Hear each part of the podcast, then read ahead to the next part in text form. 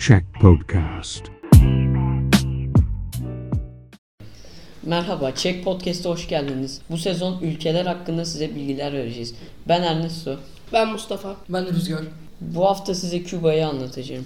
28 Ekim 1492'de Kristof Kolomb karaya çıktı ve İspanya toprağı olduğunu söyledi. 1898'de biten İspanya-Amerika Savaşı'na kadar İspanya toprağıydı.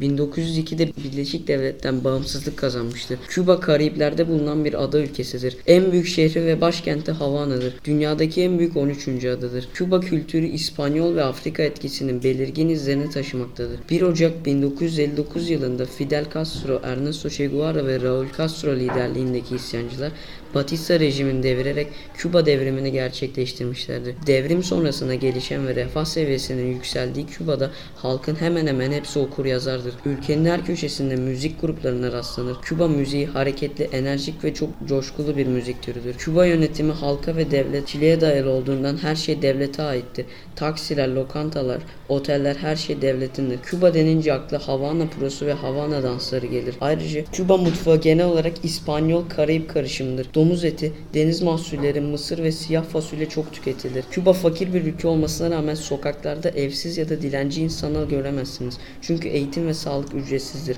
Ayrıca Küba'da Atatürk'ün heykeli de bulunur. Ben de Zimbabwe'yi anlatacağım. Zimbabwe Cumhuriyeti Afrika kıtasının güneyinde denize karası olmayan bir ülkedir. Eski adı Güney Rodezya'dır ve başkenti Harare'dir. Ülke genel olarak tropikal bir iklime sahiptir. Yani kışlarda kuru ve 25 derece değerler ile daha ılıman havalara sahip olabilmekte. Yaz aylarında ise 35 derece üzerine çıkan değerler ile nemli ve aşırı sıcak geçer. Ülkenin genel bitki örtüsünü kuru şehirler meydana götürmektedir. Az da olsa ağaçlık alanlar görülür. Ülke nüfusunun çoğunluğu Hristiyan, kalanları ise karışık dinlere sahiptir. Okuma yazma oranı %80'dir. 2006 yılın %1000 enflasyon ile rekorun kırıldığı ülkedir. 2006 yılının sonlarına doğru yüz- %10 bin enflasyon ile 5 haneli rakamlara e- çıkmıştır. 2008 yılı sonuna doğru %231 milyon enflasyon ile yeni bir rekora imza atmıştır. 2009 yılına doğru enflasyonun %90 trilyon oranına kadar arttığı söylenmiştir. Zimbabwe halkı 1 kilo et için bir bavul para taşımak durumunda kalmış, yaklaşık 11 kilo ağırlığında para transferi olduğu söylenmiştir. Merhaba ben Mustafa ben de size Kazakistan'ı anlatacağım. Dünyanın en büyük 9. ve bir Orta Asya ülke olan Kazakistan Sovyetler Birliği'nden en son ayrılarak zira Rusya'dan bile sonra bağımsızlığını kazanmıştır. Orta Asya'nın en büyük ve en zengin ülkesi olan Kazakistan'ın ekonomisi yeraltı kaynaklarına ve tahıl tarımına dayanıyor.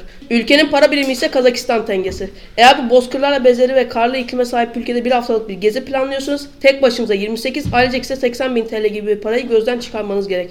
Ülkenin gezilebilecek yerlerinde ise Büyük Almatı Gölü, Savuran kalıntıları ve Vezenkov Katedrali başı çekmektedir. Kazak mutfağı ise koyun eti ve sütü üzerine yoğunlaşmıştır. Kısacası vejetaryen ya da bir yaz turistiyseniz burası size pek uygun değil.